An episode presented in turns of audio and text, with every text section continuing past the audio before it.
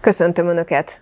A terrort nem lehet teljesen felszámolni, ezt mondja Tarjányi Péter, azok után, hogy beszélgettünk nyilvánvalóan a jeruzsálemi terrorcselekmény kapcsán. De azt is mondja, hogy a Hamasnak bizony érdeke az, hogy egyre brutálisabb és véresebb ilyen típusú terrorcselekményeket hajtsanak végre, hiszen nálunk is téma, és az egész világ beszél ezekről, ami nem jó irány.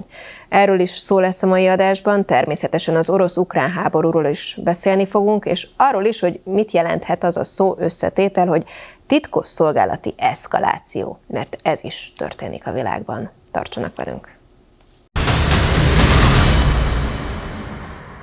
Az ATV Star című műsora számolt be róla elsőként, hogy Jeruzsálemben lövöldözés volt ma délelőtt. Ezt az adást délben rögzítjük egyelőre az a mérleg, hogy hárman meghaltak és hatan megsérültek, hogy mi történt pontosan, ezzel kezdünk ma.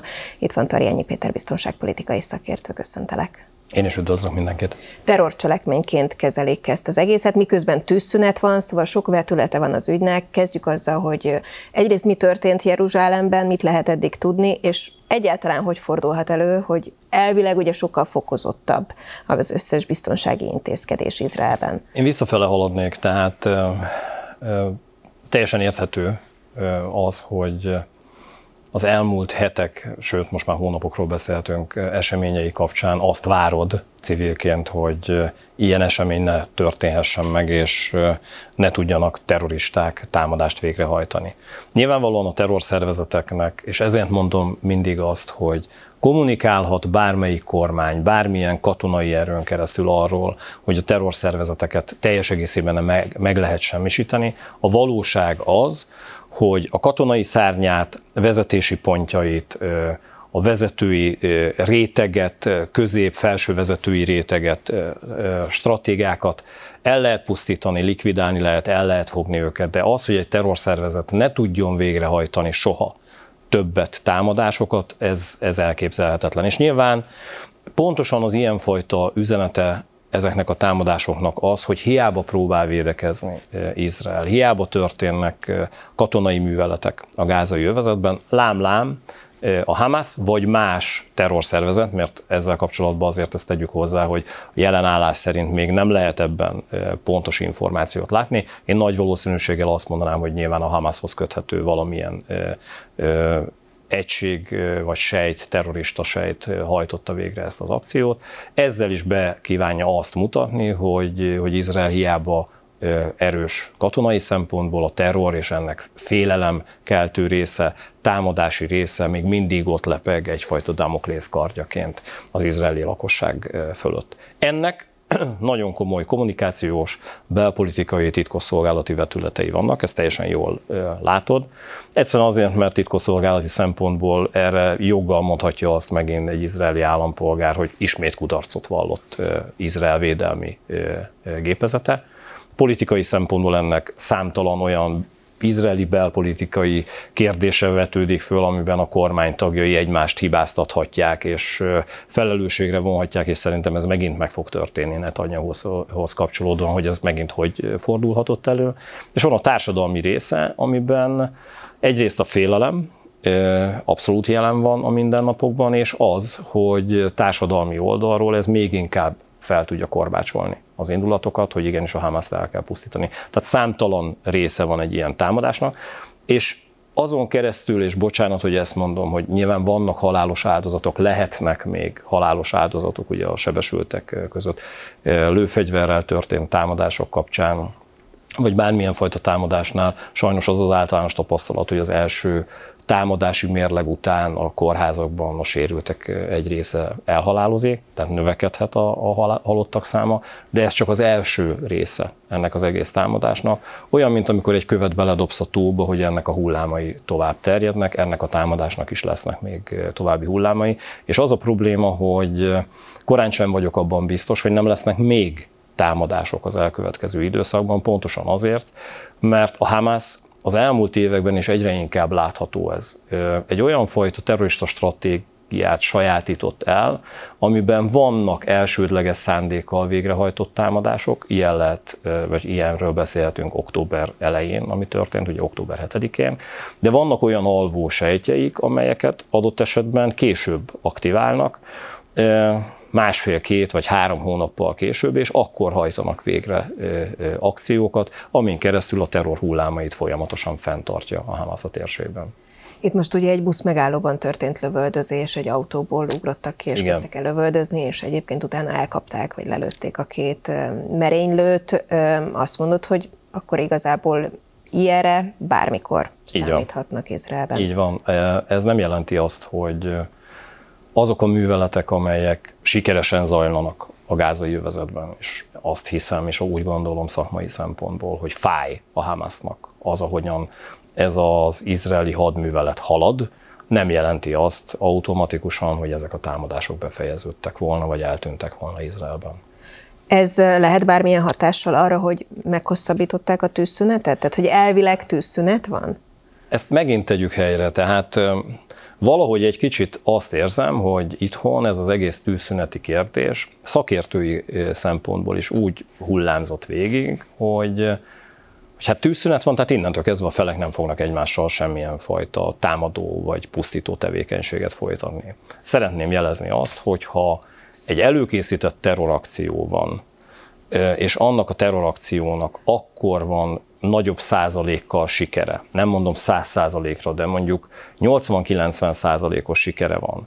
A terrorszervezet irányítói azért, mert tűzszünet van, nem fogják lefújni azt a, azt a hadműveletet, vagy azt az előkészített akciót. Pontosan azért, mert azzal vannak tisztában, hogy lehetséges, hogy két nap múlva a támadás sikerességi százalékon mondjuk visszaesik 30 százalékra. Ott, abban a pillanatban, ha ez a terrorista sejt aktiválódott, és végre tudja hajtani az akciót, hiába van tűzszünet, meg fogják támadni a célpontokat. És ugyanez egyébként Izraelre is igaz. Tehát félértés ne essék. Attól, hogy tűzszünet van, de mondjuk a hírszerző egységek azzal kapcsolatban pontos értesülést kapnak. Az Egyesült Államoktól saját hírszerzési forrásból teljesen mindegy, hogy a Hamas, Hamas egyik fővezetője vagy egy csoportja valahol föltűnt, vagy sikerül azonosítani egy olyan térséget, ahol tucatnyi túsz van, akkor végre fogják hajtani azonnal azokat az akciókat, amelyek ahhoz szükségesek, hogy vagy likvidálják azokat a terroristákat, vagy azt a terrorista vezetőt, vagy pedig kiszabadítsák a túszokat. Tehát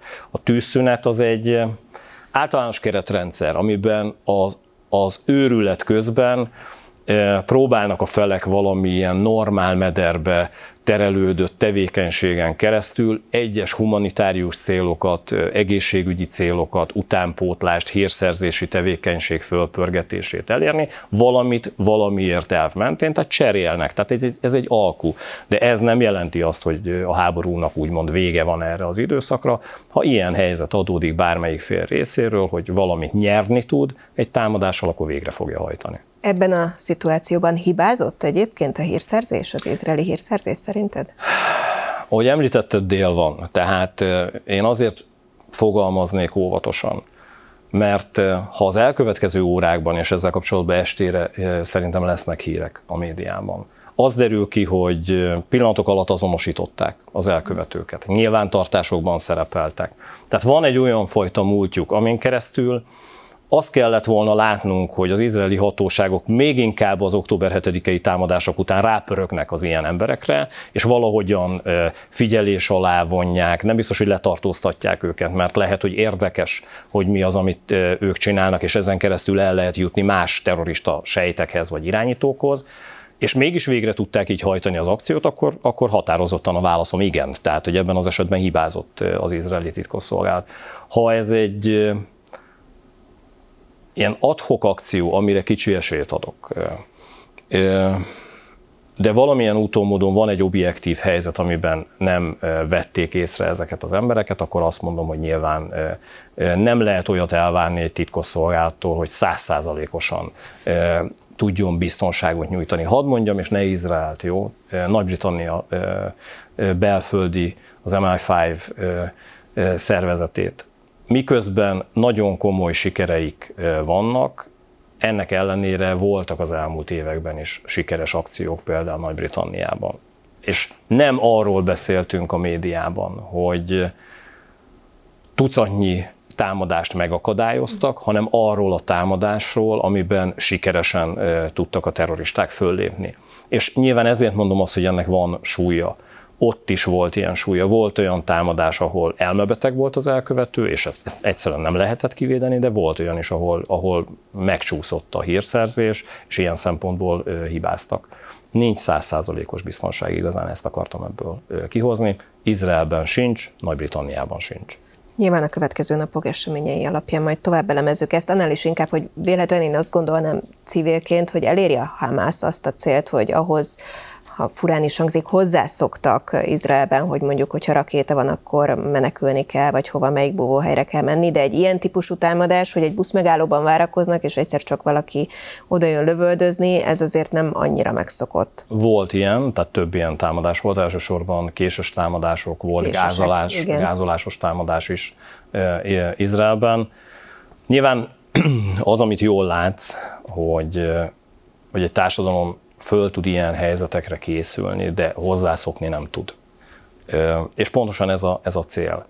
Van egy olyan fajta kommunikációs helyzet sajnos, amiben a támadások végrehajtásában azért igyekeznek minél brutálisabb, minél figyelemfelkeltőbb akciókat végrehajtani, hogy azt a kommunikációs kritikus tömeget elérjék, amin keresztül a sajtó még inkább foglalkozik ezekkel a támadásokkal. Ezért van az, hogy a brutalitás mind a mellett, hogy a terrorhoz hozzátartozik, de még inkább látványos brutalitás elemekkel bővül. Így láthattuk azt az iszlám állam terrorszervezetnél, hogy nyilvános kivégzéseket hajtottak végre, hogy embereket megégettek, mint a középkorban, pont azért, hogy ezt a kritikus tömeget elérjék, mert hogy ez automatikusan hozza azt a figyelmet, amire ők valójában vágynak. Nyilván ezzel nem azt akarom mondani, hogy az lenne jó, hogyha erről nem beszélgetnénk, mert erről beszélgetni kell, de ez a fajta gondolatiság abszolút jelen van a terror stratégák fejében.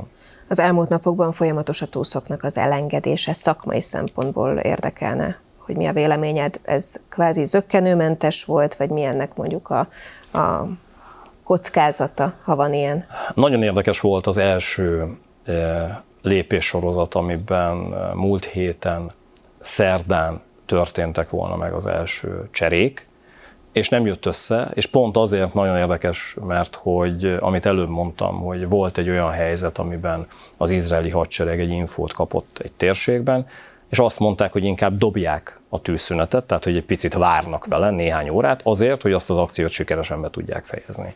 És így történt, ugye ha jól emlékszem, múlt hét csütörtökön indultak el a, a, a cserék, úgymond.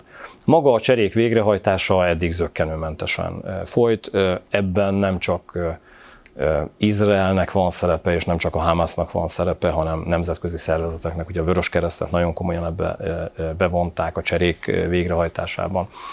Azt kell, hogy mondjam, hogy sajnos az emberiség történetéhez annyira szervesen hozzátartozik ez a fajta háborús, tűzszünetes, túlszejtéses jellegzetesség az elmúlt 100-150 évre, hogy a Vörös Keresztnél erre nagyon komoly protokollok vannak, hogy ebben hogy kell profi módon dolgozni, és hogyan tudják az embereket megmenteni. Nem mehetünk el amellett, hogy Katár azt a fajta túlsztárgyalói tevékenységet, illetve azt a tárgyalói közvetítői tevékenységet, amit folytatott, jól végezte, hiszen végül is ez a csere létre tudott jönni. De én továbbra is azt mondom, hogy azért lennék óvatos a cserék kapcsán, mert hogy még több mint 150 ember a Hamas oldalán túszok oldaláról, vagy tehát túlszejtéses oldalról elrabolva ott van a terroristáknál. Őket jó lenne valahogyan visszahozni, de továbbra is azt mondom, hogy korán sincsen mindenki életben. Az, ami szakmai szempontból érdekes, és nem véletlen, hogy Izrael nem ad ki információt, hogy mit tudtak meg a túszokról. Egyszerűen azért, mert minden egyes túsz, még akkor is, ha sötét szobában volt hetekig, vagy nem volt úgy, nem látott sok mindent, olyan információk birtokában lehet egy illat, egy hang, bármi, ami támpontot adhat a terrorelhárítóknak, az izraeli terrorelhárítóknak a tekintetben, hogy hol tarthatták őket valójában fogva, és információkat szerezhetnek úgy és így a tekintetben, hogy hol lehet még elrejtőzve vagy elbújtatva túsz, akiket adott esetben így ki tudnak szabadítani. Tehát itt azért van egy nagyon komoly szakmai felderítői tevékenység. Nyilván a Hamas egyébként ezzel számol, és meggyőződésem, hogy a túszokat mozgatja, tehát hogy azok a túszok, akik még az ő kezükben vannak, már nem ott vannak, ahol eddig voltak.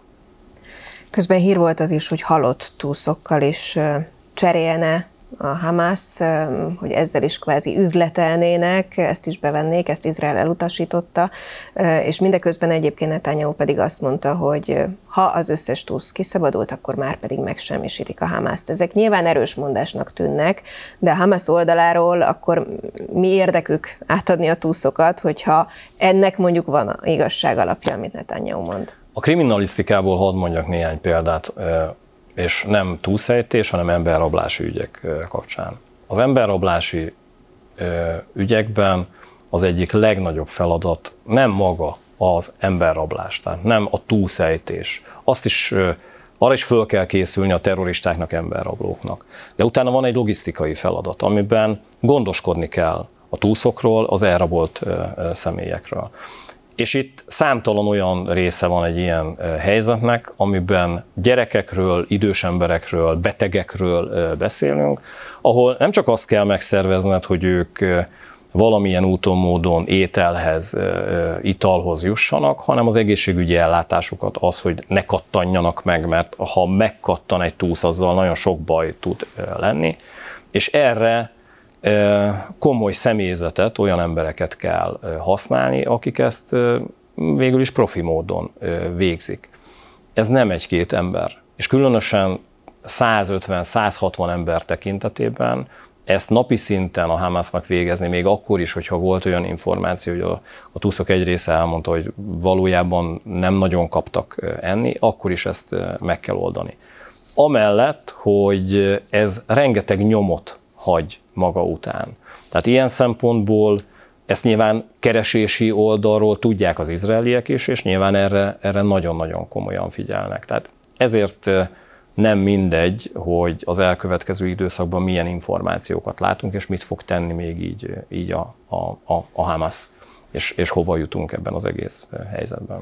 Napvilágra került egy, egy brutális videó, amit nyilván meg sem mutatunk te magad megnézted, és azt mondtad, hogy ne, nézzük nézzük. meg, hogyha lehet, amelyen állítólag izraeli kémeket végeznek ki brutális módon Cisjordániában. Mi történik? Vadásznak a Hamas, illetve a palesztinok belbiztonsági szervei ugyanúgy, ahogy az izraeli felderítő és hírszerző szervek a Hamas terroristáira. A Hamas ugyanúgy próbálja megakadályozni azt, hogy hírszerzési információkhoz jusson Izrael, és azokat az embereket, akik együttműködnek, ők úgy fogalmaznak, kollaborálnak eh, Izraellel, példát statuálva végzik ki, és ezen keresztül akarnak üzenni a társadalomnak, hogy nem működjenek együtt eh, eh, Izraellel egyáltalán hiába mondja azt, és, és ezzel van a problémám. Ugye az előző kérdésednél is, ugye a Netanyahu-hoz kapcsolatban ugye mondtad azt, hogy már pedig a hamas a földdel teszik egyenlővé elsőpig. Erős mondások, ahogy mondtad. Persze, ezek az erős mondások léteznek, de a másik oldalról azért látnunk kell, és igazán számomra ebben az egész videóban ez volt a legdöbbenetesebb. Egyfajta társadalmi pillanatfelvétel, hogy és nem mondom azt, hogy szép az, amit tesz a, a, a Hamas vagy Izrael ezekben a hírszerzési műveletekben, mert ezek pokoli akciók, de az, ahogyan a társadalom reagál, az, ahogyan újonganak, hogy ezeket az embereket, ahogy megcsonkítják, kivégzik, jól mutatja azt, hogy az, amiről beszél Netanyahu, hogy igenis el legyen söpörve a Hamas, lehet sikeres katonai akciókat végrehajtani, az a baj, hogy a társadalomnak egy jó része egyetért ezekkel az akciókkal. Ilyenkor lehet ilyen nyílt kivégzéseknél látni azt, hogy valójában azok az emberek mit gondolnak Izrael kapcsán, és az izraelieket támogató palesztinok, vagy izraeli kémek, hírszerzők kapcsán. A pusztítás az a legfinomabb kifejezés ilyen szempontból. Igazán bosszú, számtalan olyan revans gondolat, és egyáltalán a, a totális megsemmisítése a másiknak olyan szinten van benne a társadalomban, hogy ezt eltüntetni nem lehet. És hadd utaljak vissza, pont együtt hallgattuk ugye az izraeli szóvívőt bő két hete, nem is tudom, valahogy így volt. Amikor arról beszélt, hogy mit várnak el a muszlim társadalmaktól, mit várnak el Palesztinában a, a palesztinoktól. Egy ilyen pillanat felvételen keresztül, hogyha ránéznénk, és mondom, tényleg ne nézzék meg a nézők sem,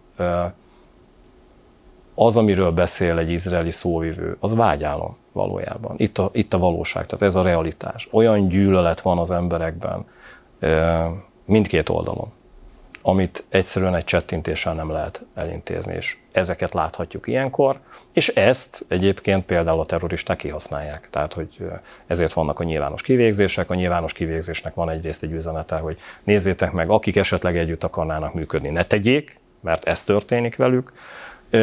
És hát a társadalomnak van egy olyan együttműködő része, vagy egy olyan, akiknek tetszik ez az egész. És hát az a másik nagyon borzasztó ez a hírhez kapcsolódóan, hogy azok a családok, ahol ezek az emberek voltak, elfordultak és elítélték saját maguk is. Kiveti a társadalom teljes egészében, a család is ezeket az embereket saját magukból. Két orosz túszt is elengedtek ugye a Hamas terroristái, állítólag Putyin kérésére. És itt szerintem fontos faktor lehet az, hogy tényleg számít-e az, hogy Putyin most nyilván telefonál oda egyet. telefonál egyet, tehát nyilván nem így, de igen, üzen egyet, hogy akkor srácok, akkor két orosz honfitársunkat is engedjétek el, vagy egyébként amúgy is, nyilván ugye nagyon sok kettős állampolgárt engedtek el, amúgy is el lettek volna engedve, és akkor mondjuk Putyinék használják fel kommunikációs szempontból azt, hogy mi ezt megtehetjük. Nagyon érdekes szakmai szempontból, és nagyon érdekes kommunikációs szempontból ez a hír. Egyrészt tényleg van egy ilyen olvasata, tehát hogy ez, ez ha ez így történt, és erről majd tudni fogunk, tehát egy héten belül ezt tényleg legközelebb visszatérhetünk erre, mert, mert addigra pontosan tudni fogjuk tényleg, hogy, hogy történhetette így, hogy Putyin vagy az ő nevében valaki fölhívta a Hamas egyik vezetőjét Kataron keresztül, vagy kaptak egy mobiltelefont, tényleg nem tudom, és, és annyit mondtak bele, hogy az elnök ezt kéri. És akkor abban a pillanatban szalutáltak a Hamas oldaláról. Mert ha ez így történt, ez szakmai szempontból egy nagyon kemény visszajelzés, hogy, hogy Oroszország tekintetében a Hamas és egyáltalán az a térség és annak terrorszervezetei és stratégái mm, egy kérés alapján szalutálnak és végrehajtanak olyan valamit, amivel kapcsolatban a nyugatnak, az Egyesült Államoknak, Izraelnek külön közvetítőkkel, tehát hetek. hetek, így van, vagy majd, hogy nem mondhatjuk hónapok, és ezek után van egy részleges eredmény. Én ezt nem dimenzionálnám túl, mert hogy nyilván ha ez így történt, ez arra egy nagyon komoly visszajelzés, hogy nem véletlenül kedvelik ennyire Oroszországot, ezért tenni kell valamit, Anikó. Tehát, hogy ez, ez nem így megy, hogy kiraktak egy naptár Putyinról, eh, amin szerepel, és azt mondták, hogy micsoda férfi, és innentől kezdve szalutálunk és végrehajtjuk, hanem nyilvánvalóan Oroszországgal van egy együttműködés, amit nem akarnak veszélyeztetni egy ilyen eh, helyzettel. Ha ez így van, ez egy eléggé elgondolkodható valami, mert hogy ez hírszerzési, fegyverkereskedelmi, gazdasági tevékenység, tehát számtalan olyan terület, amiben így, így összefésülve ezek a szervezetek akkor biztosan együttműködnek.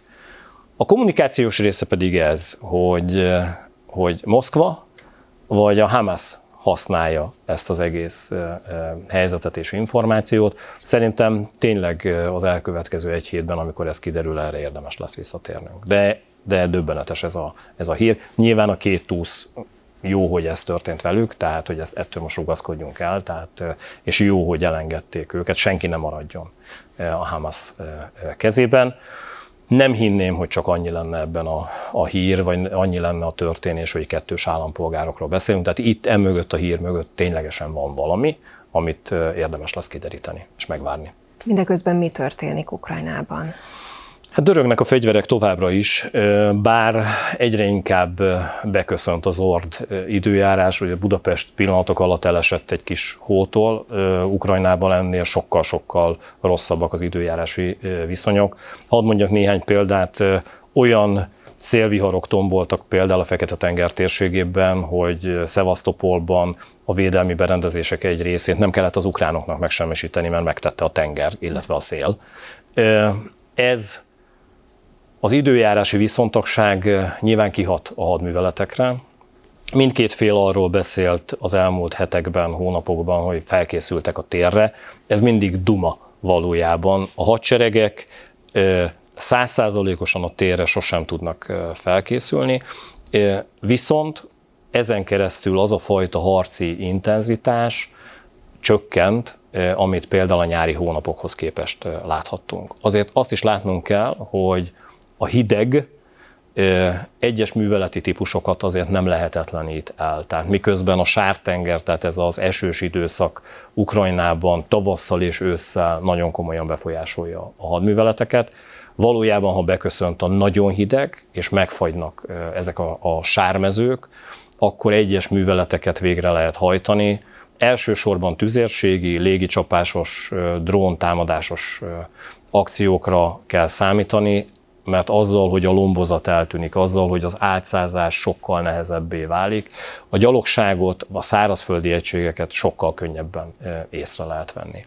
Az, amit látni lehetett, és az elmúlt időszakban két nagyon súlyos támadásról érdemes beszélnünk, hogy mind Kijevet, mind pedig Moszkvát támadás érte az elmúlt időszakban, és ez is azt erősíti, hogy elsősorban az elkövetkező időszakban ezeket a tüzérségi és drón támadásos, légicsapásos akciókat fogjuk látni mindkét fél részéről. Közben Finnország lezárta most már teljesen a határát, ugye bevándorlás válságtól félve, illetve hát úgy fogalmaznak, hogy sikerült megakadályozniuk azt, amit Oroszország szeretett volna elérni. Egyrészt érdekel a véleményed arról, hogy valóban Oroszország kvázi erre játszott, másrészt pedig Lengyelország közben most már katonákat küld Finnországba, szóval mi történik Finnországban?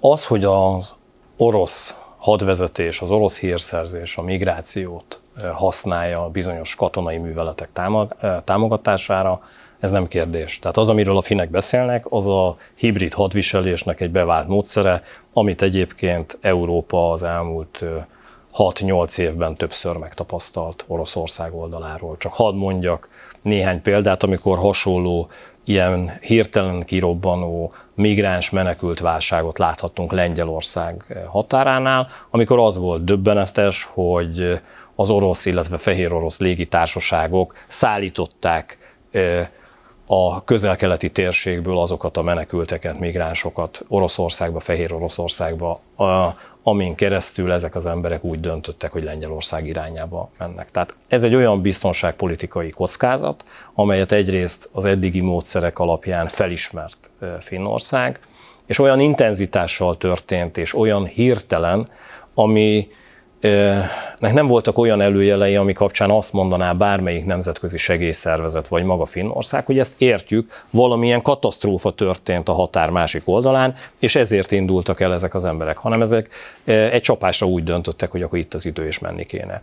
Ez egy olyan fajta túlterheléses támadás, amikor egy társadalmat, határ, annak határőrizeti, tehát egy állam határőrizeti rendszereit, belbiztonsági rendszereit túlterheled. Nem lehetsz abban biztos, hogy a rengeteg menekült között nincsenek-e szabotőrök, nincsenek kémek. Maga a társadalom azonnal egy belső feszültség állapotába kerül, mert ne gondoljuk azt, hogy a finnek oldaláról nincsen olyan gondolkodású ember, aki azt mondja, hogy jöjjenek, persze fogadjuk be őket, és nincs olyan a társadalomban, aki azt mondja, hogy ide ne jöjjön senki, és rögtön elindul egy belső megosztott hangulatú vita. És hát van ennek maga a szervezési része, ami pénzbe kerül, élelmezés, ellátás, stb., amiben nyilván ez terhet jelent Finnország számára, és ennek nagyságrendje nem mindegy. Néhány tucatnyi ember esetében sem vicces, és nem egyszerű megszervezni, de amikor mármint a, a védekezést és egyáltalán annak, a, a, annak logisztikáját de ha ezt megszorozzuk, és nem néhány tucatnyi, néhány száz emberről beszélünk, hanem arról, hogy ezrek indulnának meg napi szinten így, ez egy teljes egészében más helyzetet és más szituációt jelent. És hogyha ránézünk egyébként Európára vagy a NATO országokra, számtalan területen látjuk azt, Olaszország térségében, Spanyolország térségében, Magyarország térségében, valahol vannak olyan térségek, ahol egyszerűen azt lehet mondani, hogy, hogy napi szinten jelennek meg úgy tömegek, amit, amit nem, nem lehetett látni előre. Tehát van-e mögött igenis egy szervezett tevékenység, amiben Oroszország titkosszolgálatait szakmai szempontból felfedezték az elmúlt években, tehát ezért hozta ezt a döntését Finnország, és nyilván ahogy előbb, és nem véletlenül mondtam Lengyelországot, Lengyelországnak megvannak azok a tapasztalatai és az a tudás, amin keresztül a finneket segíteni tudják, tehát ezért mentek lengyel katonák Finnországba. Hír volt az is, hogy megmérgezték az ukrán katonai hírszerzés vezetőjének a feleségét. Nem csak, nem csak őt. Másokat is. Így van. És nyilvánvalóan Putyint vádolják ezzel, nem személyesen, de hogy ez az ő személyes sértettsége miatt történt. Kirill Budanovról beszélünk, ugye ő a, az ukrán katonai hírszerzés vezetője, és hát ő ellene az elmúlt másfél évben, 20 hónapban közel egy tucatnyi merényletet próbáltak meg végrehajtani olyan emberek, akik nyilvánvalóan kinek áll érdekében Oroszországhoz köthetők. Ez egy választóvíz, egyébként nagyon komolyan, tehát egy vörös vonal. Az, amikor egy titkosszolgálati vezető háborús helyzetben a célpontok listáján szerepel, erre nem mondom azt, hogy ez normális, de szakmai szempontból értem.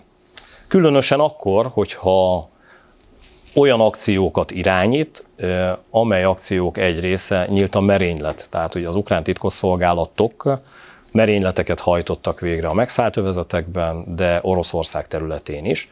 És nyíltan beszélnek arról, hogy olyan személyek, akik Ukrajna ellen tesznek, és az ukrán nemzetbiztonságot veszélyeztetik, az egész bolygó területén számíthatnak arra, hogy ha ezt folytatják, lecsap rájuk az ukrán titkosszolgálat. Hadd mondjak egy másik példát, az afrikai övezetben több olyan videófelvétel látott napvilágot, ahol a Wagner csoport zsoldosait támadások érik, és miután kiderült és elemezték ezeket a felvételeket, meglepődve tapasztalták az orosz szakértők azt, hogy láthatóan ukrán segítséggel ügyesedtek ki azok a afrikai miliciák, amelyek összecsaptak sikeresen a Wagnerrel, és levadáztak Wagner zsoldosokat. Tehát van egy ilyen fajta tevékenység. Itt a választóvonal abban van, hogy azért, mert egy ellenlépés sorozat oldaláról az orosz titkosszolgálat nem tud közeljutni az ukrán hírszerzés vezetőjéhez, benne van már az a forgatókönyvek között, hogy ha rajta nem sikerül bosszút állni, őt nem sikerül megölni, akkor öljük meg egy családtagját, esetünkben a feleségét. És nem csak hozzá kapcsolódóan történt, hanem itt ugye a hír oldaláról ez is nagyon kemény, hogy más személyeket is, más vezetők családtagjait is ilyen halállistára felvették Oroszország oldaláról. Hogy miért baj? Egyrészt önmagában ez egy olyan fajta titkosszolgálati eszkaláció, ami jól mutatja azt, hogy Oroszország átlépte ezt a vörös vonalat. Másrészt az inga elvemet hadd mondjam. Tehát azzal, hogy Oroszország ezt az ingát ellökte ebbe az irányba, a titkosszolgálati biztonságpolitikai katonai cselekményeknél nem érvényesülnek a fizika szabályai. Tehát nem az történik, hogy kilököd az ingát, és pontosan ugyanakkor erővel, ugyanakkor a távolságban fog az inga visszalendülni. Mindig túllendül. Tehát Nyilvánvalóan ez egy olyan fajta új fejezetet nyit, amiben Ukrajna meg akarja mutatni, és vissza akar vágni, még keményebben. Tehát, hogyha ö, van egy titkosszolgálati vezető, és ennek a pszichés részét gondold végig, hogy te vagy a titkosszolgálati vezető, és valamelyik családtagoddal ez történik hova tűnt a szakmai, hova fog tűnni a szakmai objektivitásod. Ugyanúgy benned fog dolgozni a bosszú, tehát az, hogy valahol ott megütni, ami nagyon fáj nekik. És hát persze, hogy a család az, ami leginkább ebben a helyzetben a másik oldalon is fájdalmat jelent. Tehát ez egy olyan fajta helyzetet eredményez, amiben ennek nem lett volna szabad megtörténnie. És az elkövetkező hónapokban borzasztó cselekményeket fogunk látni mindkét oldalról emiatt mert hogy, mert hogy ez még inkább az állati oldalt erősíti ebben a háborúban. Egyesek már azt mondják, hogy újabb mozgósítási hullám indulhat Ukrajnában. Van-e ilyen típusú tartalék Ukrajnában? Mennyire fáradtak el egyébként. Nagyon érdekes ez az Ukrajna fáradtság téma, mert hogy ezzel kapcsolatban ugye az Egyesült Államok külügyminiszterre leszögezte, hogy a nyugati szövetségesek oldalán nincs fáradtság, és minden menni fog a maga útján, és Ukrajna ne aggódjon, mert hogy a támogatások érkezni fognak. Ezzel kapcsolatban azt a fajta fáradtságot, ahogy mi erről beszélünk, ezt én nem gondolom, de az a fajta logisztikai fáradtság, amiben Szembe kell néznie a nyugatnak és Ukrajnának azzal, hogy azokat a termelési kapacitásbeli, például lőszerellátás oldaláról nem fogja egyáltalán hozni a nyugat, ezt, ezt látnunk kell és tudomásul kell venni.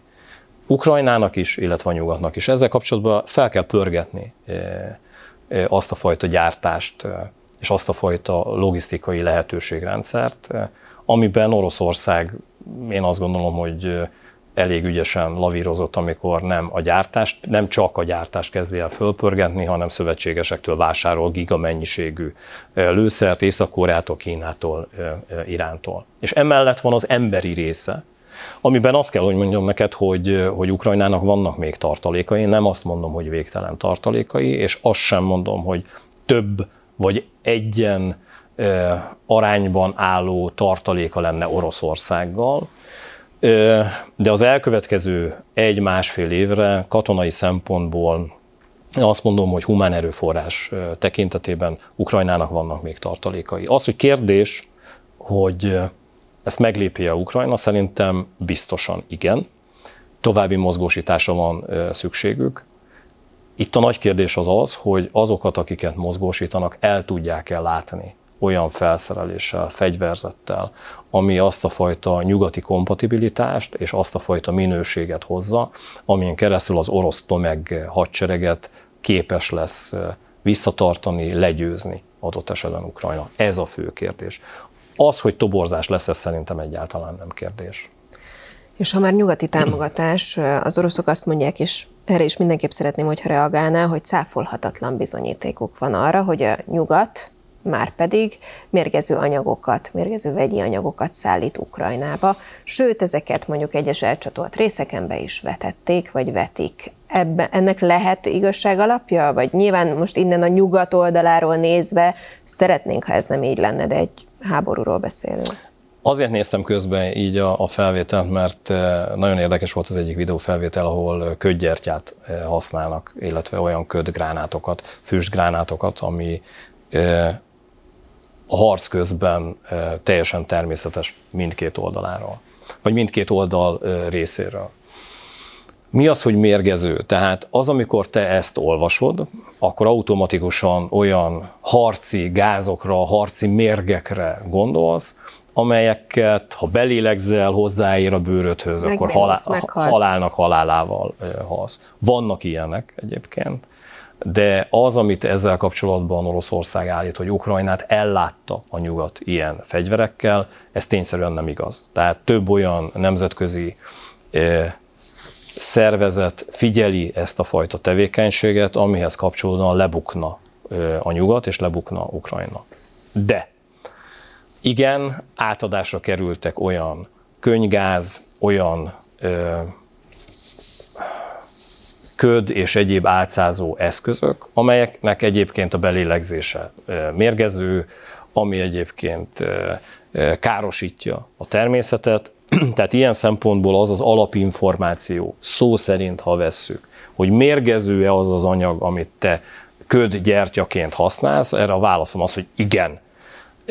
Mérgező gáznak minősül? A válaszom nem, tehát egyáltalán nem erről beszélünk, de ezt a fajta maszatolást, kommunikációs maszatolást rendszeresen végzi Oroszország.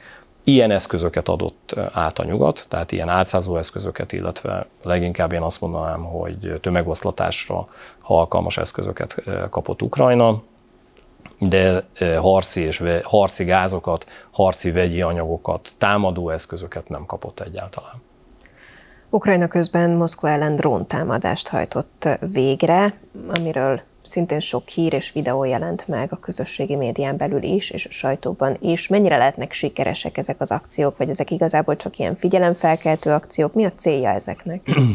Ugye ez egy válaszcsapás volt, tehát Kijevet az elmúlt egy hétben az egyik legnagyobb, tehát a háború egyik legnagyobb dróntámadása érte, és erre válaszcsapást hajtott végre Kijev. Ami érdekes volt és elgondolkodtató a, a gyorsasága a válaszcsapásnak. Azt lehet látni, hogy a felek, ez a hang-vízhang elv, tehát hogyha a hang Moszkva támadást hajt végre, 20 hónappal ezelőtt erre válaszcsapásként hetekben volt mérhető Ukrajna viszont válasza úgymond a vízhang. Ezt most már képes volt néhány óra alatt végrehajtani. Hozzáteszem, nem volt sikeres maga ez a dróntámadás. Mikor sikeres? Akkor, hogyha azokat a katonai célpontokat, tehát katonai célpontokat megsemmisíted, amelyek tényleg fájnak Oroszországnak. De voltak ilyenfajta támadásai Ukrajnának, sikeres támadásai az elmúlt hónapokban, amikor repülőtereken megsemmisített repülőgépeket, helikoptereket, különösen a Fekete-tenger térségében a Fekete-tengeri flottát teljes egészében visszaszorították a Fekete-tenger nyugati medencéjéből. Azt mondanám, hogy nem hazudik Ukrajna katonai szóvivője, amikor azt mondja, hogy a Fekete-tenger térségében az orosz hadiflotta tevékenységét ellehetetlenítették. Valójában a Fekete-tenger elveszett Oroszország számára. Tehát vannak sikerek Ukrajna oldaláról, de nem mehetünk el amellett sem, hogy egyre nagyobb intenzitással tud sikeres támadásokat végrehajtani Oroszország is Ukrajna katonai ereje ellen, illetve az energetikai hálózat ellen is. Ez oda-vissza megy. Keretes szerkezetben a beszélgetésünk elején ezt említettem, hogy ez az, ami várható az elkövetkező hónapokban, és ezt látjuk is most a mindennapokban. Elmondtad már, hogy körülbelül most hol tart egyébként az orosz-ukrán háború, hogy ott mi történik, és felkészülnek a térre. Lehet már egy olyan típusú mérleget vonni, hogy ez alatt a majdnem két év alatt egyébként ki mit nyert, veszített ebben a háborúban? Beszéljünk Oroszországról tényleg nagyon gyorsan. Oroszország, amit nyert ezzel, az az, hogy egyes térségeket és a Krímfélszigetet olyan szempontból katonailag elfoglalta és biztosította, amin keresztül a Krímfélsziget szárazföldi utánpótlása elérhetővé vált. Ez 2014-ben nem állt egyáltalán Oroszország rendelkezésére. És azt is, hogy Ukrajna nagyon komoly veszteségeket szenvedett, és az ukrán gazdaság tulajdonképpen padlón van. Amit veszített, egyrészt a nemzetközi megítélés megközelítőleg 250 ezer, 300 ezer halott és sebesült, egy generáció eltűnt megint Oroszországban, megsérült vagy megsebesült. A sebesültek mellett azért nem menjünk el, mert lehet valakinek könnyebb sérülése, de az a fajta pszichés törés, amit ezek a fiatalok megéltek, ez az egész életüket végig fogja követni. És ennek még nincs vége. Katonai szempontból is nagyon komoly veszteségeket szenvedett el Oroszország, a harckocsi állományának megközelítőleg 10-15 százalékát teljes egészében elveszítette. Én azért vagyok óvatosabb ezekkel a becslésekkel, mert van, aki arról beszél, hogy 30-40 százalékot is. Én azt mondom, ami biztosan látható. A Fekete-tenger térségében, ahogy előbb fogalmaztam, a Fekete-tengeri flotta mozgása ellehetetlenült, komoly eszközöket veszítettek, hadihajókat, például Moszkva rakétacirkálót, a Fekete-tengeri hadiflotta zászlós hajóját elveszítették. Az látható, hogy a NATO megerősödött, és a Fekete-tenger térségében Törökország, Bulgária, Rom- Románia nagyon komolyan segíti Ukrajna háborús erőfeszítéseit.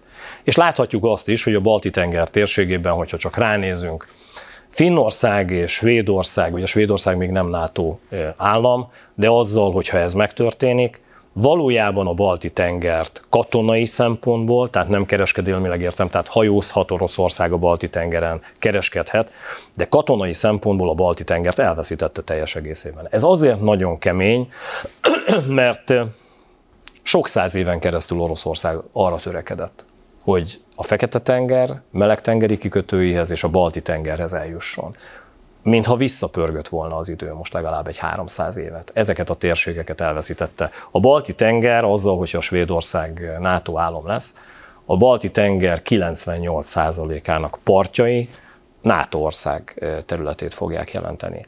Ezelőtt két évvel nem így volt, és ezelőtt két évvel a Balti-tengeren volt lehetősége katonai szempontból operációkat végrehajtani a Oroszországnak. Ukrajna óriási veszteségeket szenvedett el gazdaságilag, a területeinek mintegy 20%-át elveszítette, és padlón van az ország. Ahhoz, hogy fölálljanak ebből a háborúból, szerintem évtizedekre van szükség, és ők is nemzedékeket veszítettek ebben a háborúban. És kérdés, hogy kik fognak bejelentkezni majd az újjáépítés kapcsán. Ez egy nagy kérdés, erről is beszéltünk, mert ők talán az igazi nyertesei. Tarjányi Péter, köszönöm szépen, hogy itt voltál. Köszönöm a lehetőséget. Önöknek pedig a figyelmet köszönöm viszontlátásra.